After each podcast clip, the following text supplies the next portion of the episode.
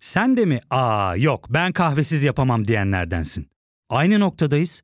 İlk ve tek kahve üyelik uygulaması Frink'le tanış. Hem bütçeni koru hem de hiç bitmeyen kahvenin tadını çıkar. Yakınlarından terapinin onlara ne kadar iyi geldiğini dinlesen de kendin için bir şeylere başlamak zor geliyor olabilir. Ya da sevdiklerine yardım etmeye istekliyken kendi ihtiyaçlarını görebilmek. Hayvel, uzman psikologlarıyla kendi ihtiyaçlarını bulmanda sana destek olacak. Terapi yolculuğuna başlamak için detaylı bilgi bölümün açıklamalarında. Trend Spor'dan herkese merhabalar. Son günlerin sporda trendi ülkemizde Wilfried Zaha transferi oldu ve transfer çalımları büyük bir gündem oluşturdu. Geçtiğimiz günlerde Dusan Tadic'in de Beşiktaş'ın günlerce ilgilendiği futbolcunun Fenerbahçe'ye transferi de çok konuşulmuştu. Biz de bu bölümde hem Zaha transferinin neler getirebileceğini hem de geçmişte yani yakın geçmişte diyeyim 21. yüzyılda Türkiye'deki transfer çalımlarını konuşalım diyoruz Oğulcan'la birlikte. Başlıyoruz.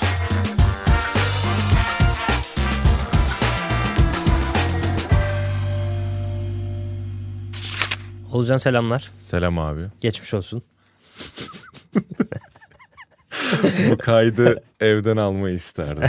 Stüdyo yerine bu gülen suratını görmektense.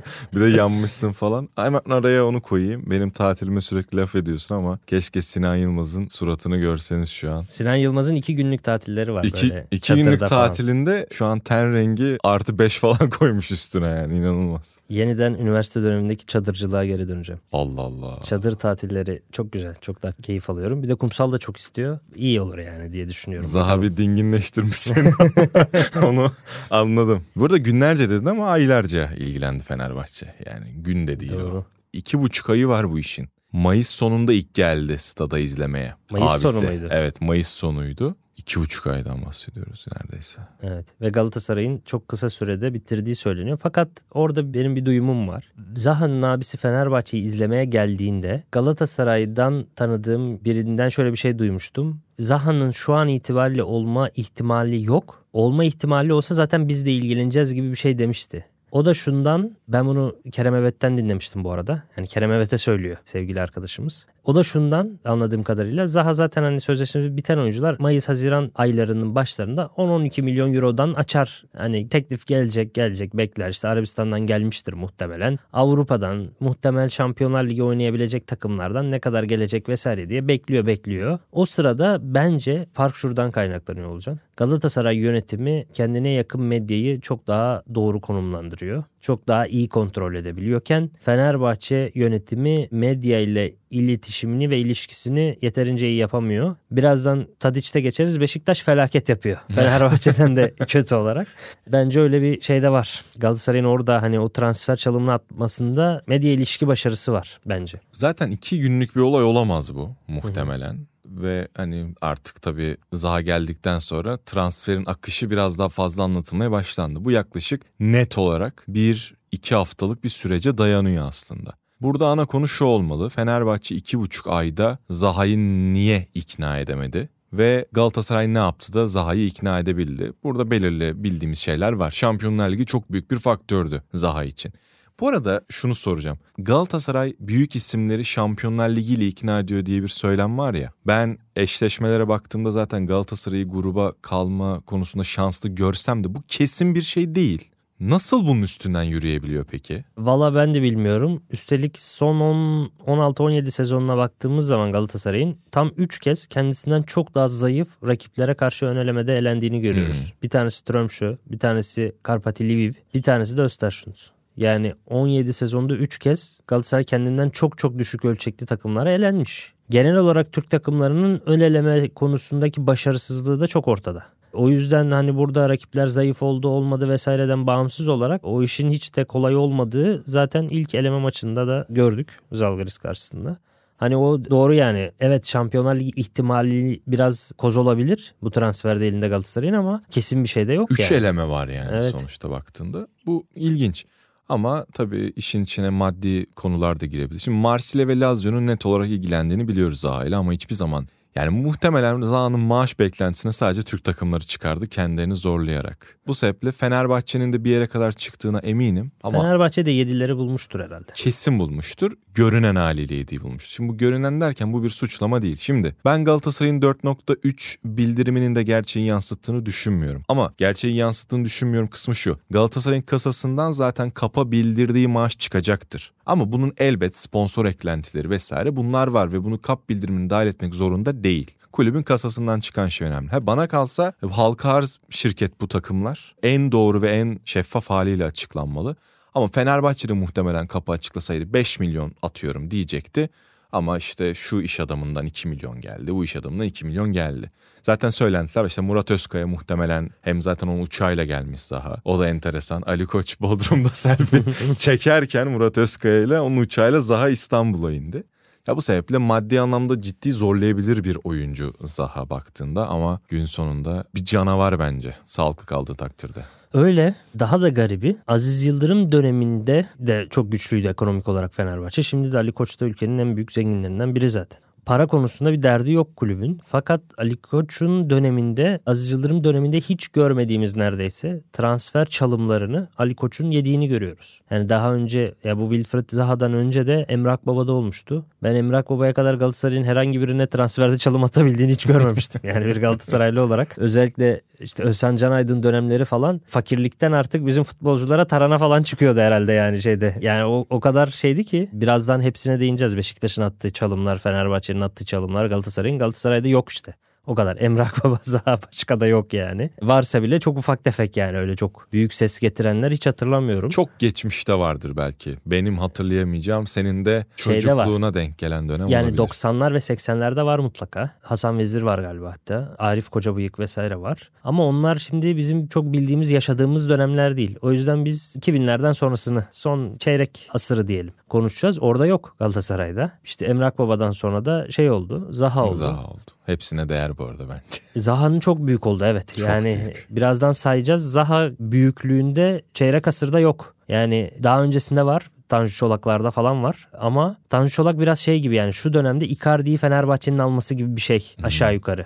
Hani o kadar olmayabilir belki bilmiyorum ama o kadar büyük bir etki uyandırıyor. Ama son çeyrek asıra baktığımız zaman Zaha gibi bir durum yok bence. Olmadı olmadı hakikaten en büyüğü oldu gibi bir durum var. Fakat teknik olarak da bence soru işaretleri barındırıyor. Yani az girelim o konuya. Teknik olarak o endişemi söyleyeyim. Zaniolo'ya Galatasaray çok büyük bir yatırım yaptı. Yüksek bir bonservis verdi. Kerem Aktürkoğlu da yerli olduğu için oynatma zorunluluğunu en çok hissedeceği iki oyuncudan biri Abdülkerim'le birlikte. Kerem Aktürkoğlu, Wilfred Zaha ve Zaniolo'lu üçlü, Santrfor arkasındaki üçlü, Icardi olursa, Icardi'nin arkasındaki üçlü birbirini tamamlamaktan oldukça uzak gözüküyor bana. Kerem ve Zaha ikisi de son dönemlerinde topu sağ ayaklarıyla alıp sol taraftan içeri girmeye çalışan, oyunu oynayan iki oyuncu. Yan yana oynadıkları zaman ister Kerem'i forvet yazın, Zaha'yı sol kenara koyun, ister Zaha'yı Icardi'nin arkasına forvet yazın, Kerem'i sol kenara koyun. İkisi de oyun oynanmaya başladığı, aktığı andan itibaren kendilerini sola doğru atıp sağ ayaklarıyla en güçlü oldukları dribbling özelliklerini yapmaya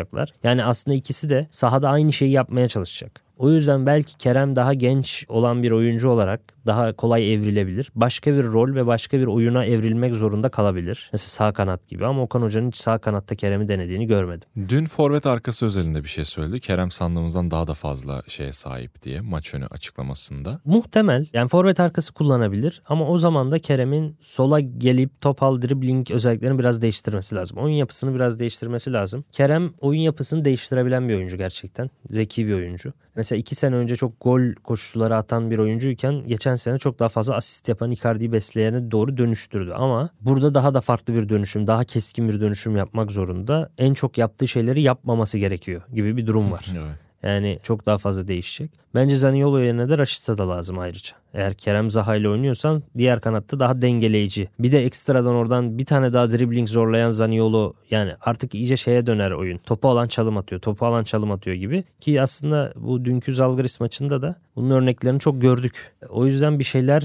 tam oturmuyor şu an itibariyle. Okan Hoca'nın farklı denemeler yapması, o transferleri doğru yerlere oturtabilmek için önemli değişimler yapması gerekiyor gibi gözüküyor. Geçen sene zor derken işi bu yıl bence daha zor bir noktaya doğru gidiyor. Yani elinde dediğin gibi yerli olarak vazgeçemeyeceğin bir oyuncu var. Mertens var. Icardi muhtemelen zaten. Gelecek Zaha'sı var, Zanyolo'su var. Muhtemelen ben bakan bunun sürekli yedek otursun diye de geldiğini de düşünmüyorum. Öyle bir ekleme de var ki ben önemli de bir ekleme olduğunu düşünüyorum. Galatasaray nasıl dizilir diye falan böyle kendi kendime düşünüyorum ama hiç işin içinden çıkamadığım çok fazla yeri var bu arada bakalım. Ben de zaten Belki oyuncu satışı vesaire gibi sürpriz bir şeyler de olursa o zaman farklı evet, durumlarda olabilir.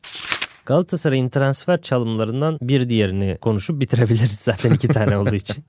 Emrak Baba. Emrak Baba ile ilgili bence ilginç bir durum var. Çünkü Emrak Baba transfer çalımı üstelik Galatasaray'ın en para harcayamadığı dönemde geldi. Ali Koç yeni gelmiş. Çok parası var. Galatasaray'da en sıkıntılı döneminde çünkü finansal fair play kısıtlıyordu. Bon servisi. Hatta 3,5-4 milyon eurosu vardı Galatasaray'ın. Herkese ona öneriyor gibi bir şeyi vardı yani. Beşiktaş'ın Geçen 3 seneki eurosu gibi. Beşiktaş'ın durumu gibi. Galatasaray'ın da o sene öyle bir şey vardı. Ve Galatasaray şampiyon olmuştu. O yaz Şampiyonlar Ligi'ne gidecek ertesi sene. Gomis de ayrılıyor. Yani Gomis ayrılmış takımın santrforu yok. Elde 3.5-4 var. Yeni bir santrfor almayıp Emrak Baba'ya o kadar güveniyorlar ki Emrak Baba'ya verdiler o parayı ve Galatasaray sezonu santrforsuz başladı Şampiyonlar Ligi'nde falan yani. Büyük bir santrfor krizi vardı. Emrak Baba o kadar Fatih Hoca'nın beğendiği ve güvendiği bir oyuncuydu ve transfer çalımı haline de geldi. Ali Koç da çıkıp açıklama yapmıştı canlı yayında işte karakterli de bir oyuncuymuş ama hakkını vereyim dedi Emrak Baba'nın. İstemedi bizi daha fazla verdik vesaire gibi şeyler dedi yani. O transfer öyle olmamıştı ama hiç de Galatasaray'a da yar olmadı. İki ağır sakatlık. Çok güçsüz kaldı. İşte artık 30'lu yaşların 31-32'lere geldi Emrak Baba Adana Demirspor'da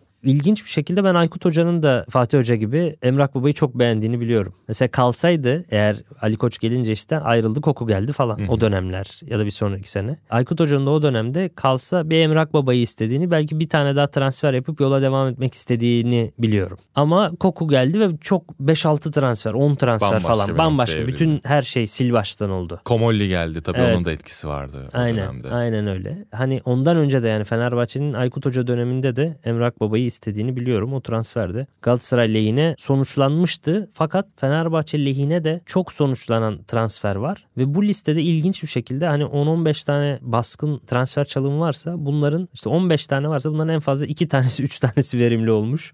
Tabii 12 ya. tanesi büyük hayal kırıklığına sebep olmuş. O da garip bir durum yani. Belki o baskının altında mı eziliyorlar oyuncular? Kesin. Yani sayabiliriz mesela Fenerbahçe'nin yakın döneminde bir İrfan Can Kahveci var. İrfan çok çarpıcı oldu yani. Bu arada şimdi tabii biz seninle program hazırlıyoruz listeye yazmışız ama Selçuk İnan'ı da buraya ben eklerim. Doğru Galatasaray'ın kesinlikle. Çok önemli. Benim için bu arada Selçuk İnan yani Türkiye Ligi tarihini şampiyonluk anlamı değiştirmiş net bir eklemedir. Niye Selçuk aklıma geldi? Ben İrfan'a hep şüpheyle bakan biriydim ama İrfan'ın da yeteneğine düşündüğümde bir Selçuk İnan etkisi olabilir mi diye hep düşünüyordum. Ama bugünkü düşüncem şu Galatasaray'a gitse muhtemelen İrfan Can Kahveci bugün hala bank oyuncusuydu. Bence satış yapmış bile olabilir. Çünkü Fatih Terim'le olan birlikteliğinden çok daha büyük şeyler doğabilirdi İrfan'a. Ama Emre Baba da öyle olmadı bak. Ama İrfan da olabilirdi bence. Ben çok inanmıyorum. Ben, yeteneği, ben öyle düşünmüyorum. Senden İr, farklı düşünüyorum. İrfan'ın yeteneği ve Fatih Terim birlikteliği bence daha başka olabilirdi. Selçuk, Alex'in bile devreye girdiği bir şeydi. Doğru. Hatta hep der. Selçuk'u çok beğendim. O dönem başkana diyordum alın beraber oynamak istiyorum. Ki ilgilendiğinde biliyoruz Selçuk İnan da kendi anlatıyor. Yine ciddi paraların verildi ama Galatasaray istediğini. İyi bir Galatasaraylı evet. olduğu için. O da büyük bir transfer çalımı evet onu Tabii. unuttuk onu. 3 oldu. Galatasaray Zaha Emrak Baba ve Selçuk İnan'la. Ama öyle bir yar oldu ki. Yani. O çok verimli oldu. Yani çok verimli olan zaten belki de en verimli olan transfer çalımları arasında. Tüm hepsinin arasında hakikaten ya, direkt şimdi Muslera'ya nasıl 3 şampiyonluk yazıyorsun. Evet. Selçuk da ilk 3 sezonu hakikaten şaka gibiydi. İrfan'da da şöyle bir şey var. Fatih Hoca basın toplantısında İrfan da bizi istiyor. Biz de İrfan'ı istiyoruz demişti.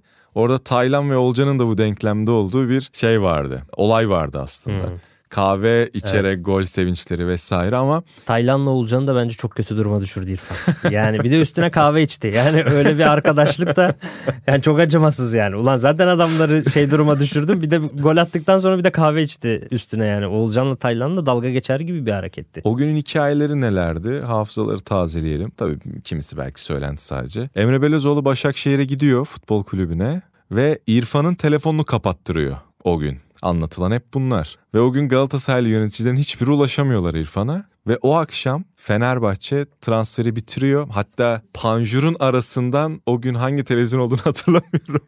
Görüşmeyi canlı canlı veriyordu. Göksel Gümüş'te Ali Koç, Emre Belezoğlu.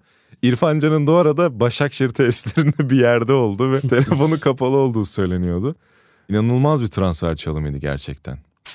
Bu arada Galatasaray hani sonradan Emrak Baba'dan sonra çok çalım yedi. Yani Mert Hakan Yandaş da var. Bitmiş gözüyle bakılıyordu. Mert Hakan Yandaş hatta Galatasaray yöneticileriyle mesajlaşıyordu yani. Sonradan WhatsApp grup mesajları ortaya çıktı ya işte. Rolex saat bir şey vardı. De- derbiden sonra işte Ellerinde başka bir şey ellerinde kalmadı. bir şey kalmadı diyor Mert Hakan falan. Sonra onlar saçıldı. Aldık gözüyle bakıp belki de önem göstermeyince oyuncular en çok önem, ilgi, değer görmek istiyor o transfer sürecinde. Ya Mert Hakan ne de olsa Galatasaray'la biz bunu aldık gözüyle bakınca Fenerbahçe'de çok isteyince mesela Mert Hakan'ı o şekilde almışlardı. İlginç bir şekilde Emre Kılınç da Galatasaray'a geldi. O Fenerbahçe'de istiyordu o dönem. Ve bu transferin en garip noktası şu aslında Mert Hakan yandaş Galatasaraylı Emre Kılınç da Fenerbahçeli. Ama ters takımlara gittiler. Çok da etkileri olamadı maalesef. Bu arada pozisyon anlamında o dönemde Fenerbahçe'nin ihtiyacı olan Emre Kılınç'tı. Galatasaray'ın Evet. ihtiyacı olan Mert Hakan Yandaş'tı. Kesin, kesinlikle. İki takıma da çok bir yar olmadı zaten bu şey. Bunu bir de nerede düşünüyordum biliyor musun? İhtiyaç dahilinde. Fenerbahçe Geri Rodriguez'i aldığı zaman Galatasaray Babel'e gitti ya.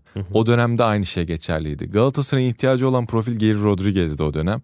Fenerbahçe'nin de net skorer bir kanada ihtiyacı vardı. Ryan Babel'de. O da hep aklıma gelir böyle pozisyon ihtiyacında. Bir diğer ikincisi de Vedat Muriç. İki takımı bir araya getiren, siyasilerin araya Evet girdiği. ve siyasiler sık giriyor aslında Türkiye'de. Böyle durumlarda güçlerini gösteriyorlar. Ve orada da Rize'den Fenerbahçe'ye gidişinde sanırım Vedat da ilk başta Galatasaray'ı istiyordu da. Sonrasında kendisi için de Fenerbahçe'nin daha iyi olabileceğini gördü. Çünkü direkt ilk 11 oynayabiliyor. Fenerbahçe'de yeni bir şey kuruluyor. İşte Ersun Hoca da çok istiyor zaten. E İşte siyasiler de devreye giriyor. Fotoğraflar falan çıkıyor ortaya. Osman Aşkın Bak, Rıdvan Dilmen. Rize'de bildiğin yaylanın tepesinde bir yerde bir fotoğraf var. Hafızalarda hep taze. Fakat siyasilerin daha önceden devreye girip de başarılı olamadığı, istediklerini yaptıramadığı bir transferden bahsetmiştin yayın öncesinde. Onu Evet. da anlat istersen.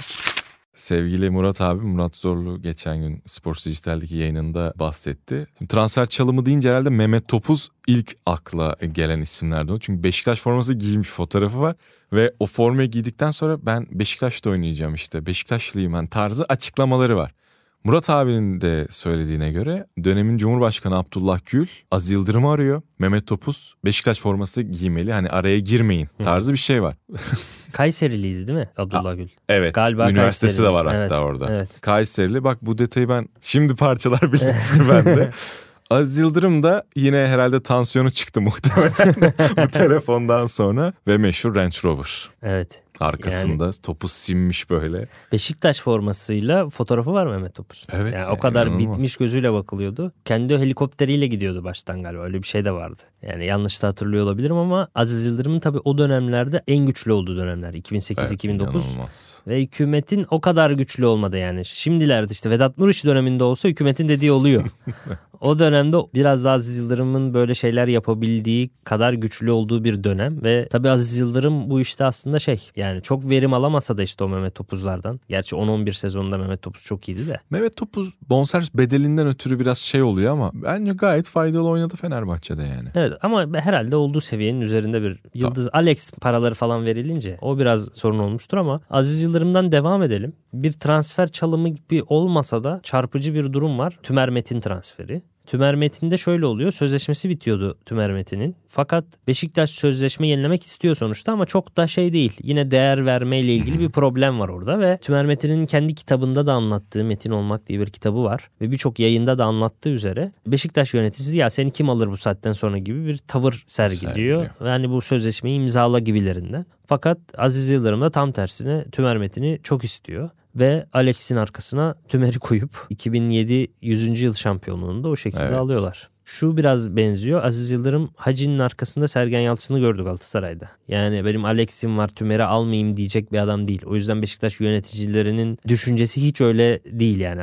Aziz Yıldırım aksine alır. Adam o inanılmaz en iyi Fenerbahçe kadrosuna Anelka'yı aldı. Koyacak bir yer yoktu yani her taraf akıyordu. Hoydong Takımda. sakatlandı diye Anelka indirdi diye şeyi vardır ya. Hmm. O dönem Anelka'nın transferinin ana sebebi o. Hoydong sakatlanıyor gidip Anelka'yı alıyor. Ki 26 yaşında Anelka'yı getiriyor bu arada. Ya bir Ribery'dir herhalde ama Ribery de ilk geldiğinde değil mi? Hani o kadar böyle bir oyuncu olacağı çok fazla bilinen bir oyuncu değildi ama ya Anelka tak diye indiriyor. Evet. Hep şey der ya Arda Turan'ı almam için 5 dakika bir odaya girmemiz yeter diye. Ama tabii Arda da anlatıyor. Çok denediler ama Alamadı. alamadı. Fatih Terim'i yani. de almayı deniyor. Aziz Yıldırım'ın şeyi yok öyle. Her çiçek kendi toprağında güzeldir gibi bir düsturu yok yani. Aynen. Gelsin benim toprağımda olmasa da da olur falan. Ben hallederim. Yani hiç olmadı başka yerde güzel olmaz gözüyle bakıyor Evet. yani. Kendinde tutmasa bile rakipten zayıflatmış olurum düşüncesi de çok oluyor. Burada bölüme küçük bir ara verelim. Döndüğümüzde devam edeceğiz. Ya fark ettin mi? Biz en çok kahveye para harcıyoruz. Yok abi, bundan sonra günde bir. Aa, sen Frink kullanmıyor musun? Nasıl yani? Yani kahvenden kısmına gerek yok. Frink'e üye olursan aylık sadece 1200 TL'ye istediğin çeşit kahveyi istediğin kadar içebilirsin. Günlük 40 TL'ye sınırsız kahve mi yani? Çok iyiymiş. Aynen. Hatta şu anda 200 TL'lik bir indirim kodu da var. E hadi hemen indirip üye ol da bu fırsatı kaçırma. Terapiye başlamak, içinden çıkamadığın döngüleri kırmak, bazı yanlış bulduğun kararlarını değiştirmek ve kendinle beraber daha huzurlu bir yaşam inşa etmek için atabileceğin en değerli adımlardan biri. Hayvel ile yoğun yaşam tempona uyum sağlayarak online terapi seanslarını takvimine göre ayarlayabilirsin. Bini aşkın uzmandan sana en uygun terapisti seçebilir, PodB10 koduyla indirimden yararlanabilirsin. Detaylı bilgi açıklamalardaki bağlantıda. Beşiktaş-Fenerbahçe arasında çok transfer oldu 2000-2010 aralığında. Yani son dönemde Tadic dışında çok olmadı hakikaten. Hı hı. Galatasaray Fener arasında daha çok oldu 2010'lardan sonra ama 2000-2010 aralığında Yıldırım Demirören'in de çok maddi olarak güçlü olduğu dönemde Fenerbahçe ile Beşiktaş birçok kez çarpıştı. İşte o Tümer Metin ve Mehmet Topuz'da Fenerbahçe kazandı. Mehmet Ekici'de de Fenerbahçe kazandı. Mehmet Ekici Beşiktaş'a gidebilecekken hani bonservis veriyor işte Trabzon Beşiktaş'a gitmesini falan istiyor. Ona rağmen direnip sözleşme imzalamıyor ve sözleşme bittikten sonra Fenerbahçe'ye gidiyor. O da bence çarpıcı. 6 E, ay suni çimde idman yaptırdılar bana demişti o dönem Mehmet Ekici. Beşiktaş'a gitmediğim için. Beşiktaş'ın Fenerbahçe'den kaptığı bir oyuncu olarak da aklıma şey geliyor. İbrahim Toraman. Çok gereksiz bir transfer cümbüşü vardı. Bazen bazı oyuncular da hiç hak etmediği ilgi ve değeri görebiliyor yani. ilgi ve değerden bahsettik ya transfer çalımında. Bazı oyuncular da çok gereksiz bir şeye girmişti. Ben hatırlıyorum 2004'ler falan herhalde lisedeydim. Yine dersten kaçıp PlayStation kafeye gitmiştik. Orada kafeyi işletenler Lüleburgaz sporlu futbolcular. Stoperler Allah Allah. falan ya. Hatta stoperdi çocuk kafeyi işleten. Kavga çıktı aralarında Beşiktaş'la Fenerbahçe. İbrahim Toraman'ı biz aldık siz aldınız falan. İbrahim Toraman bunu duysa kendini çok daha iyi hisseder eminim yani. İbrahim'le ilgili o dönemde beklenti çok yüksekti. Çok iyi futbolcu olur, milli futbolcu olur vesaire gibi ama hiç o seviyelere ulaşamadı yani. Beklenen standardın çok çok altında kaldı. Ve belki de hani oyuncunun seviyesine göre transfer yarışına girilmiş en absürt transfer çalımıdır. Yani İbrahim Toraman için hakikaten Fenerbahçe ve Beşiktaş'ın o kadar Galatasaray da vardı devrede ama dediğim gibi Galatasaray'da o dönem para olmadığı için hiç şey olmadı. Yıldırım Demirören'le Aziz Yıldırım'ın çekişmeleriydi yanılmıyorsam. Yıldırım Demirören öncesi de olabilir İbrahim Toraman. Ee, Serdar Bilgili dönem falan mı acaba? Olabilir. Yani çünkü tam o geçiş dönemi 2003-4 Yıldırım Demirören de olabilir ama. Şeydi bayağı çarpıcıydı o dönemler. Ben şimdi tabii Zahat çok ani geldi o Galatasaray'ın. Hatta acaba fake hesap mı diye kontrol ettim yani o bildirim geldiğinde. Sonra şey tweet attım. Tarihe geçecek bir transfer çalımı bu. Hatta bence bir numara oldu benim nazarımda. Tabii doğal olarak bunu Fenerbahçeli yazınca alta da çok fazla tepki geliyor. Ve bana en çok söylenen isim abi Stoh vardı ya. Hani ne Zaha'sı Allah aşkına ne çalımı işte tarihte nasıl en iyi olabilir diye. Oysa orada atlanan bir şey var. Ben oyuncu kalibresi olarak da bunu söylüyorum. Yani açıkçası Stoh için atılan bir çalım beni o kadar etkilemiyor. Ya Stoh'la ilgili gelecek beklentisi çok yüksekti. İşte Chelsea istiyor vesaire gibi şeyler yazılıyordu. Türkiye'ye gelmeden önce Stoh'un potansiyeli çok yüksek görülüyordu. Fakat Stoh da biraz İbrahim Toraman gibi oldu. Beklentilerin çok altında kaldı. Bir sezon oynayabildi. Bir sezon sonra Net. gelişimi ileriye gideceğine hep geri gitti Stoh'un. Biraz o yüzden anladığım kadarıyla ama Wilfried Zaha'nın Premier Lig'de yaptıkları yani top altının dışındaki Premier Lig takımının he- hepsinde yıldız olabilecek bir oyuncu. Birçok sezonda lige damga vuran Crystal Palace tarihinin belki de en büyük oyuncusu. Hani Stoh'un kariyeriyle Zaha'nın kariyeri kıyaslanamayacak kadar farklı. Tabii ki. O yüzden hani bugün ama muhtemelen o dönem potansiyel yüzündendi. Yani hem de Galatasaray istiyordu çok potansiyelli yıldız olacak oyuncu vesaire gözüyle genç oyuncu gözüyle wonderkid gözüyle bakıyorlardı. Resmi sitede Fenerbahçe açıklama kapmıştı. mı varmış Stoh'la alakalı o dönem? Yani Stoh açıklanıyor Galatasaray'da. Galatasaray'da başlığıyla ama Fenerbahçe alıyor. Ben onun Alper Potuk'ta olduğunu hatırlıyorum. Alper Potuk Galatasaray'ı açıklıyor Alper Potuk'u. Tweet atıyor. Kapıda Görüşmelere görüşmelere, başlandı diye bildiriyor. Fakat Fenerbahçe kapıyor. Hatta bence bu şeyin şu Alper Potuk transferinden sonra bu bir daha bu amatörlük yapılmadı kulüplerden. Kulüpler resmi imzayı attırmadan görüşmelere başladık tweetini kapı bildirmiyor. Heh, şimdi sana onu soracaktım. Aslında görüşmelere başlanmıştır tweet'i. İmzayı attık biz. İmza attık biz şey oldu açıklaması oldu kapta da. Ama Alper'den sonra oldu bu. Alper Potuk'tan sonra oldu. Ki aslında cümle şeyine baktığında Evet. resmi görüşme başlanmıştır diyor ama e, takımlar hakikaten bu. Çünkü zaten sonraki maaş açıklaması da yarım saat sonra geliyor. Evet. resmi görüşmeleri başlanmıştır. Kesin kesinlikle işte ama Alper durumunda çok kötü duruma düştü Galatasaray o yüzden biraz öyle yani artık aldı gözüyle bakılan oyuncuyu kaptırdığında çok daha çarpıcı oluyor. Alper Potuk'ta öyle bir durum olmuştu. Alper de tabii yine İrfan Canlar'dan da daha zayıf bir performans yani onun da performans maalesef çok kötü olmuştu. Şimdi bir Tadic'i konuşmak istiyorum. Çünkü Kesinlikle konuşalım. yani ben o gün saat 10'da uyudum. Ve sabaha karşı 5'te kalktım. Ben de Fenerbahçe'nin resmi hesabının bildirimleri açık. Duşan Tadic Fenerbahçe'de İstanbul'a indi diye tweet var. Ya sabah karşı 5 hakikaten yani uyku şey var. Afyon patlamamış daha. Girdim yanıyor Twitter. Hani abi biz uyumadık ben o an tweet attım bu gördüğüm şey gerçek mi diye. Çünkü hiç adı geçmedi. Sıfır. Beşiktaş alacak gibi bakılıyordu. Teklifini iletti. Karar bekleniyor. Bu transfer hakikaten bilmiyorum tabii öncesinin Fenerbahçe ne kadar önceden ilgilenmeye başladı ama 2-3 saatte falan bitti. Yağız Sabuncuoğlu Amsterdam'dan uçak kalktı ve geliyor deyip gidiş radarını kapamış Ali Koç uçağın. Hı hı. Çünkü o dönem giden Koç 22 idi galiba. Gidiş şeyi yok, verisi yok. Amsterdam kalkışı verisi var. Belirli bir noktadan sonra çıkıyor da Yağız tweet attıktan 15 dakika sonra da Tadic İstanbul indi diye tweet düşüyor Fenerbahçe'den. Ve bence işin en garip tarafı şu. Şu transfer döneminde çok net şunu görebiliyoruz. Galatasaray ve Fenerbahçe 7-7,5'lara kadar çıkabiliyorken maaş olarak yıllık ve belki de tarihin en çok para verilebilen dönemi hem Fener'in hem Galatasaray'ın. Çünkü ya euro 2-3 iken bile bizim takımlar Fenerbahçe Galatasaray en fazla 2,5-3 milyon euro verebiliyordu. Şu an 30'a çıktı euro ve Galatasaray ile Fenerbahçe 7,5'lara kadar çıkabildi. Bu nasıl oluyor bilmiyorum. Çok ekstra bir durum bu. Anlamlandırabildiğim bir şey değil açıkçası. Fakat Galatasaray Fenerbahçe 7,5'lara kadar çıkabiliyorken Beşiktaş en fazla 2,5-3'lerde. Ve Tadic'i niye Beşiktaş alıyor ki zaten? Yani Evet. maddi olarak da diyorum. Hani güç sıralamasından falan demiyorum. Ligdeki birinci, ikinci, üçüncü bitirmekle ilgili de demiyorum. Para olarak da. Bugün Tadic Galatasaray alsa Mertens düşmüştü. Mertens'in önüne 10 numara arıyordu zaten alınır. Yani gayet Zaha zaten benzer hani sola kıvrılan ikinci forvet gibi hani benzer. Zaha'yı da Galatasaray aldı zaten de. Hani Tadic'i Beşiktaş alacağına kadar Galatasaray alır alabilirdi. Beşiktaş alacağına kadar yine Fenerbahçe alabilirdi zaten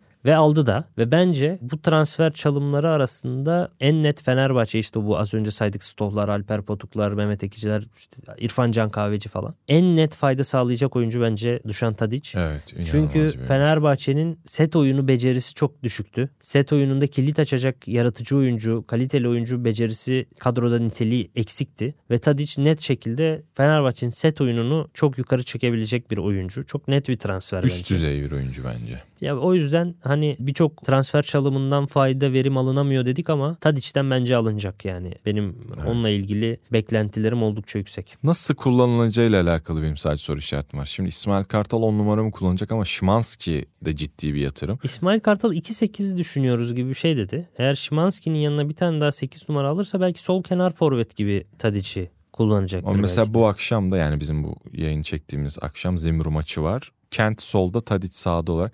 Bu arada Şimanski'yi transfer çalımı sayar mısın? Yok ya. Ben hiç öyle çok duymadım açıkçası Galatasaray'ın Çünkü istediğim. Galatasaray'ın da anlaşmadan önce sürekli aradı ama Şimanski'nin orada Fenerbahçe imza attı. Çok Yalanladı sonra onu Galatasaray yöneticileri. Yani tabii şey demeyecekler. Bunu Fenerbahçe Aradık de falan. yapmaz. Aradık ama gitmiş falan diye. Erden Timur iyi bir oyuncuydu. Çok iyi bir oyuncu. Biz ilgilendik ama belirli çıkabileceğimiz bir maaş skalası var. Deyip bu arada ondan sonra da Zaha'yı getirmek. Evet. Icardi'ye falan şimdi senelik 7 milyon falan verilecek. Ya yönetimler bunu şey yapıyor. Şimdi Ali Koç'a da sorsan biz transferden vazgeçmiştik diyecekler Zaha için. Ben sana söyleyeyim öyle bir şey yok. Geçmediler. Zaha gitti Galatasaray'ı imzaladı. Ama ben Şimanski'nin çok da Galatasaray'ın o ihtiyacı olan oyuncu olduğunu düşünmüyorum. Yani Paradesler falan ilgileniyor ya Galatasaray. Hı hı. Hani daha net bir oyun kurucu ve daha 8 daha sert bir 6-8 karışımı istiyor. Şimanski daha çok 8-10 gibi daha önde oynayan. Hani Torreira'nın yanına bir tane daha biraz daha hammallık yapabilen ama top da yapabilen bir oyuncu. Yani daha savunması kuvvetli bir oyuncu aranıyor bence. O yüzden hani Şimanski belki ilgilenilmiştir kalitesine ve potansiyeline inanılıp ama bu bizim ihtiyacımız olan oyuncu aman alalım gözüyle de bakıldığını pek zannetmiyorum. Ki açıkçası. o da ciddi bir yatırım. 9.75 evet. 4 taksitle ödenecek bir şey var. Jetson'a geçmek lazım. Buradaki en garip hikaye de bence Mehmet Topuz'dan sonra Getson'da. Evet. Galatasaray için en acı. Çok net. Ve bence bu hikayeler arasında filmi çekisi en çok izlenebilecek. yani en trajik, en dramatik. İçinde çok farklı unsurlar barındırıyor. Çünkü utanmadan bir de Rize'ye kiralanıyor. Yani Galatasaray'a daha nasıl yani adamı elinden almışsın daha da beterini yani. Adam ölmüş daha da vuruyor böyle Galatasaray'a vuran bir durumdu. O dönemde birçok şey var tabii yani Galatasaray ile Rize'nin de arasının çok kötü olması. Galatasaray düşme potasına kadar geriliyor. Rize düşme potasındaki rakibi ona verdik kiraladık falan gibi. Hani sosyal medyada Galatasaraylı hani gençleri falan yaşı küçük olan arkadaşları çok üzecek, rencide edecek bir şeydi, dönemdi. Galatasaray yönetimini de Burak Elmas'ı çok zor duruma düşürdü. Bir daha gelemeyecek seviyede, yönetimde yer alamayacak seviyede bitirdi. Ama haklı da bitirdi bence. Yani iyi oldu yani Galatasaray için Burak Elmas'ın o şekilde bitirilmesi. Hani şu gün mesela Torreira'nın yanına az önce dedim ya. Şimanski gibi değil de daha mücadeleci bir oyuncu aranıyor falan. E, Jetson işte. Şu yani olmuş Torreira olsaydı Jetson olsa... Torreira Jetson olsa tamam. Yani o Zaha'yı kim kaldıracak az önce işte programın başında bir sürü konuştuk ya Zaha, Zaniolo, Kerem nasıl olacak falan. Jetson Torreira ile olacak aslında. Geri dönmeyebilirlerdi yani. Evet. evet. Yani bunu mesela Cenk Tosun'u geçen sene tekrar şey yapan 16 gol attıran tekrar adamın futbola dönmesini sağlayan Sol arkasında oynaması. Jetson. Jetson oynaması. Yani hiç savunma yapmıyor ki Cenk. O yüzden Jetson transferi Burak Elmas'ı bitirdi. Bitirmesi de doğru oldu. Çünkü Pulgarlar Mulgarlar peşinde koşarken Jetson gibi bir oyuncuyu almamak olacak iş değil yani. En nihayetinde böyle bir transfer hikayesiydi. Beşiktaş'a gelmişken diğerlerini de söyleyelim. İbrahim Toraman'ı söylemiştik. Bu arada Getson'la alakalı şunu da ekleyelim. Bence bu transferin Rize'ye dönmesinde de ana bir sebep var. Sen Az Yıldırım'la alakalı şöyle bir şey söyledin ya. Hani benim toprağımda olmuyorsa başka toprakta da olmasın. O dönemin Rize Spor Başkanı Tayyip çok büyük bir Fenerbahçeli kongre üyesi de aynı zamanda. Hatta onun Fenerbahçe ile alakalı söylemlerini o dönemde Galatasaraylılar sürekli hani böyle bir adama kaptırdınız diye söyleyecek bir adamdı. E, o sebeple orada Tarık Kıran faktörü de yani Rize Spor'un az Yıldırım mantığında. Hani ben bu transferden nasıl sıyrılabilirim? Galatasaray'da olmasın da ben bir sene kira alayım işte 6 ay kira alayım sonra Beşiktaş'a gönderirim mantığı tamamen. Evet. Mesela Galatasaray'ın Beşiktaş'a transfer çalımı attığını neredeyse hiç hatırlamıyorum. Ama Jetson dışında mesela Okan Koç da var. Beşiktaş'ın Galatasaray'dan kaptığı. Okan Koç da Beşiktaş'ta yine İbrahim Toraman gibi hiç verim vermedi. O dönem birkaç transfer başarısı çalımı var Beşiktaş'ın ama onlardan hiç verim alamadı. Okan Koç gelmeden önce Gençler Birliği'nde oldukça iyi bir performans sergiliyordu gerçekten. O yüzden istenmesi çok doğaldı. Fakat Beşiktaş'ta Okan Koç da hiç fayda sağlayamamıştı. Bunlar bizim hatırladıklarımız tabii ki. Unuttuğumuz da vardır muhtemelen. Selçuk İnan'ı az daha unutuyorduk mesela. Çok en belirleyici, en faydalı olan transfer çalımı. Vedat Muriç çok faydalı olanlardan bir tanesi. Faydalı olanları sayarsak açıkçası çok fazla çıkmıyor dedik. İşte bir tanesi Selçuk İnan, bir tanesi Vedat Muriç. Jetson yine faydalı olarak sayılabilen ama onun dışındakilerin çoğu çok bir faydalı olamadı maalesef. Aa Abdülkerim Bardakçı. Evet yakın dönemde doğru. Fenerbahçe bugün yerlide bu kadar zorlanıyorsa ki ben bu arada itiraf edeyim hiç şey değil. Abdülkerim'in Fenerbahçe'nin almasını istemiyordum. Abdülkerim'in Galatasaray'daki performansında sonuna kadar tebrik ederim. İnanılmaz bir çıkış gerçekleştirdi. Ama net bir transfer çalımı. E, uçakla falan göndermeler sen o kadar eder misin? Ama garip bir şekilde tam çalım da değil Oğulcan. Şöyle Fenerbahçe almıyor adamı.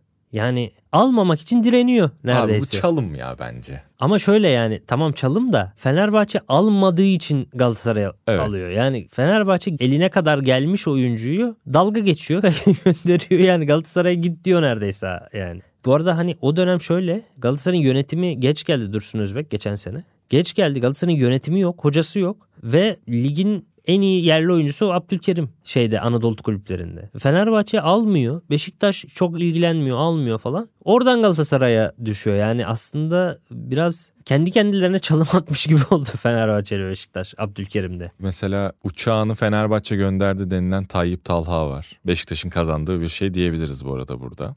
Halil Dervişoğlu da var işte Beşiktaş'tan uçağının biletini Evet bak verdi. son dönemde. Bir konuştukça aklıma geliyor. Joao Pedro sonuna kadar Galatasaray'a ilgilendi. Fenerbahçe aldı. Hiç yar olmadı. Ya Onlar onlar çok büyük olmadığı için Halil'dir, Pedro'dur. O yüzden çok Şimanski'de. Hani ufak tefek şeyler geçti de bu program boyunca saydıklarımız çok büyüktü yani. İrfan Canlar olsun, Mehmet Topuzlar olsun. Çok daha çarpıcı geçmişlerdi. Favorin hangisi? Olaya göre ama performansa göre değil. Jetson. Zaha ve Jetson. Ben de Zaha ve Tadic diyeceğim ya. Acı çektirmesi olarak Jetson. Galatasaraylılar, Galatasaraylıların unutamayacağı bir şeydi. Ben acı çekememişim çünkü yani acı çekiyorum İrfan Can'dan dolayı acı çekiyorum yani. Zaha da işte biraz. Şöyle abi samimiyetle söylüyorum. Kerem'le de bunun sohbetini yaptık. Çünkü o bana şey dedi. Tabii kendi aramızda atışıyoruz düzenli. İşte Erden abim Zaha'yı indirince göreceğim seni falan dedi. Ben dedim ki gerçekten Zaha'ya kudurmam. Çünkü bende şey mantığı var. Böyle bir oyuncuyu Türkiye'de izleyebileceksem kim getirse getirsin. Icardi'de de aynı şey geçerliydi benim için. İşte Mertens'lerde de aynı şey geçerli. Ben zaten çok yıldız izlemişim zamanında. Biraz da başka takımlar getirsin yani. yani Zaha olur problem değil izlerim. Selçuk İnan da olabilir işte. Oo. Performans. Selçuk İnan çok severdim zaten. E bak çok yaralayıcı evet. Yani Muslera'ya hep şey derim bizi bir sal artık derim. O dönem Selçuk İnan içinde dediğimi hatırlıyorum. Bizden daha eski nesilde bu tartışmasız şekilde Tanju Çolak. Yani Tanju Çolak'ın Fenerbahçe'ye gitmesi sonrası biraz daha böyle 80 doğumları, 80'lerin başında doğanlar, 70'lerin sonunda doğanlar. Bir daha hiç kimseye bağlanmadım diyen çok var. Yani bir daha hiçbir futbolcuyu sevmedim falan gibi. Hani çok acı çekmiş o şeyden. Aşk acısı gibi. Ne acaba onun detayları? Sen şey Ya yapabilirsin. Galatasaray sözleşme yenilemek aynı Tümer Metin gibi. Sözleşme yenilemek konusunda çekinceli çünkü işte Tanju olan yasak ilişkisi var Hülya Avşar'la. Aslında eşi de var mesela kendi eşi ama Hülya Avşar'la aşk yaşıyorlar falan. Bayağı marjinal yani 90'ların başına göre.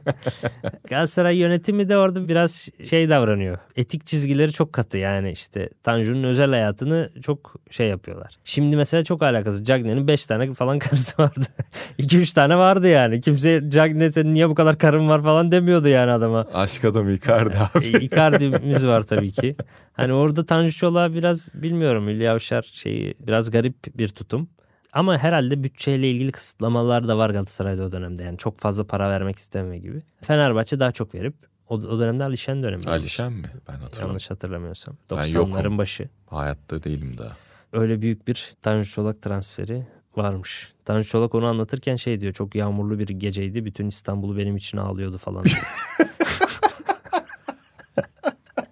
İnanılmaz ya. Sonradan pişman olduğunu söylüyor işte Fenerbahçe'ye gittiği için ama Fenerbahçe'de kötü mü oynadı bu arada? Yo yine Galata Gol Krallığı da var galiba. Yani Peki- sonradan tekrar şey oldu. Yerli en iyisi mi? Golcülük olarak. Bence yetenek olarak pardon katkı performans olarak Hakan Şükür. Ama Tanju Çolak o kadar yetenek olarak olabilir. Tanju'yu o kadar çok şey yapmadım. Yani özetler, rovaşata golleri, gol sezileri falan. Biraz daha Icardi gibi herhalde Tanju Çolak. Babam bana der çünkü ben hani senin de fikrini merak ettim. Ben iki futbolcu hani golcülük olarak bir Aykut'u iki Tanju'yu söylerim. Aykut da derdi artistik hani şu köşeye bırakayım tribine girmese iki katı fazla golü vardı der. Olabilir. kariyerinde. Yani normal şeyde böyle bir köşeye bırakayım ona rağmen kaç 200 300 tane golü var Aykut Hoca'nın da yani. Ve o da o, o santrforlar yok artık. Yani o tip santrforlar 2000'lerin ortalarından it- 2005'lerden itibaren falan kalmadı. İnceci mi? Yani mesela Anadolu'da bile çok olurdu. Cenk vardı. işte Erciyes'te Merciyes'te oynadı en son. Cenk İşler. Hasan Özer vardı falan. Baya bayağı yetenekli forvetler vardı yani Anadolu'da da. Serkan Aykut Samsun'da. İyi bitirici yani böyle Arjantin, Güney Amerikalı bitiriciliğinde olan yerli forvetler vardı. Zafer, Zafer Biryol bile mesela. Veysel vardı bir de değil mi? Veysel o kadar yetenekli değildi de çalışkandı baya. Ve sen Mehmet Yıldız. Mehmet Yıldız. Mehmet Yıldız da çok yetenekli değil. Mehmet Yıldız top sektiremiyordu. Bir kere Beyaz Şov'a çıkarmışlardı Mehmet Yıldız'ı. O dönem Beyaz Şov en çok izlenen. Top sektir dedi Beyaz Mehmet Yıldız'a. Mehmet Yıldız top sektiremedi. Ama iki kişiyi sırtına alıp gol atıyordu. Tam böyle Michael Antonio gibiydi işte ya. Evet. Premier Lig'deki. Çok iyi program oldu ya. Eyvallah. Evet ağzına sağlık abi. Senin de ağzına sağlık ve tekrar geçmiş olsun. Kaç kere daha söyleyecek? Hani şey İnşallah Zaha Fenerbahçe gol falan atmaz da. Ya sonraki program yokum yani. Ha bak bence Zaha transferinden çok duyuruluş şekli çok iyiydi abi. Zaha ha diye paylaşım. bence esas yani o transferin 36 saniye Ali Cabbar. 5 arkadaşım hep söylüyorum. Benim en yakın arkadaşlarımın hepsi Galatasaraylı. Bak, Bir tane Beşiktaşlı falan Fenerli hiçbir şey yok arada. Ben hepsinden Ali Cabbar şeyi aldım. Se- sana bir ses kaydı atıyorum. Tak Ali Cabbar dinletiyor. Ki bu arada Tadiç'e kadar Ali Cabbar'ın ne olduğunu bilmiyordum. Yemin ederim. Ali Cabbar da bizim oralı. Bizim oralı derken yani Trakyalı. Bu nasıl bir bal Hikaye. Hikaye.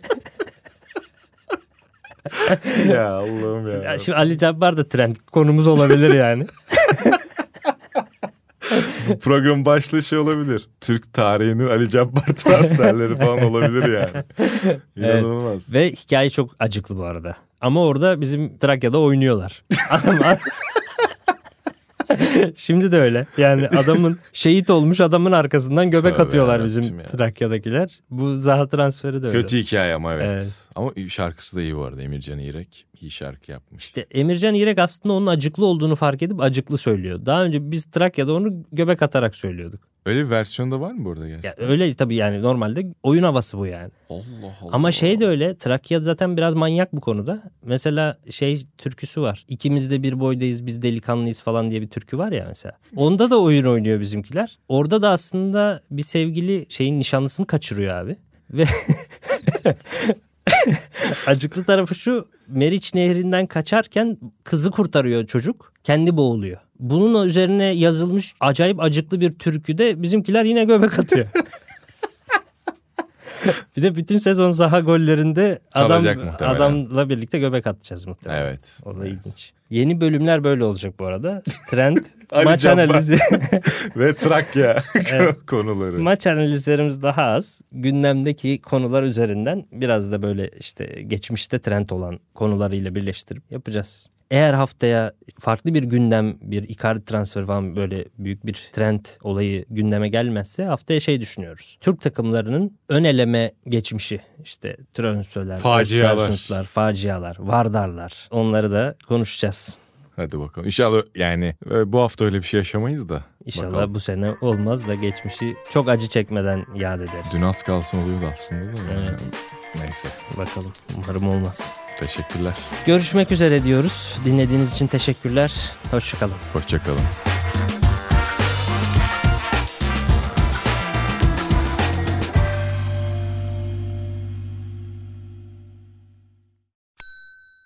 İlk ve tek kahve üyelik uygulaması Frink, 46 ildeki 500'den fazla noktada seni bekliyor. Açıklamadaki kodu girerek sana özel 200 TL'lik indirimden faydalanmayı unutma. Hadi sen de Frink üyeliğini başlat, kahven hiç bitmesin. Hem bugününe hem yarınına katacaklarıyla terapi yolculuğuna ve daha iyi hissetmeye bugün Hayvel ile başla. Açıklamadaki linkten Hayvel'i indir, ücretsiz tanışma görüşmelerinin ardından bütçene uygun seans paketini seç ve terapi yolculuğuna başla.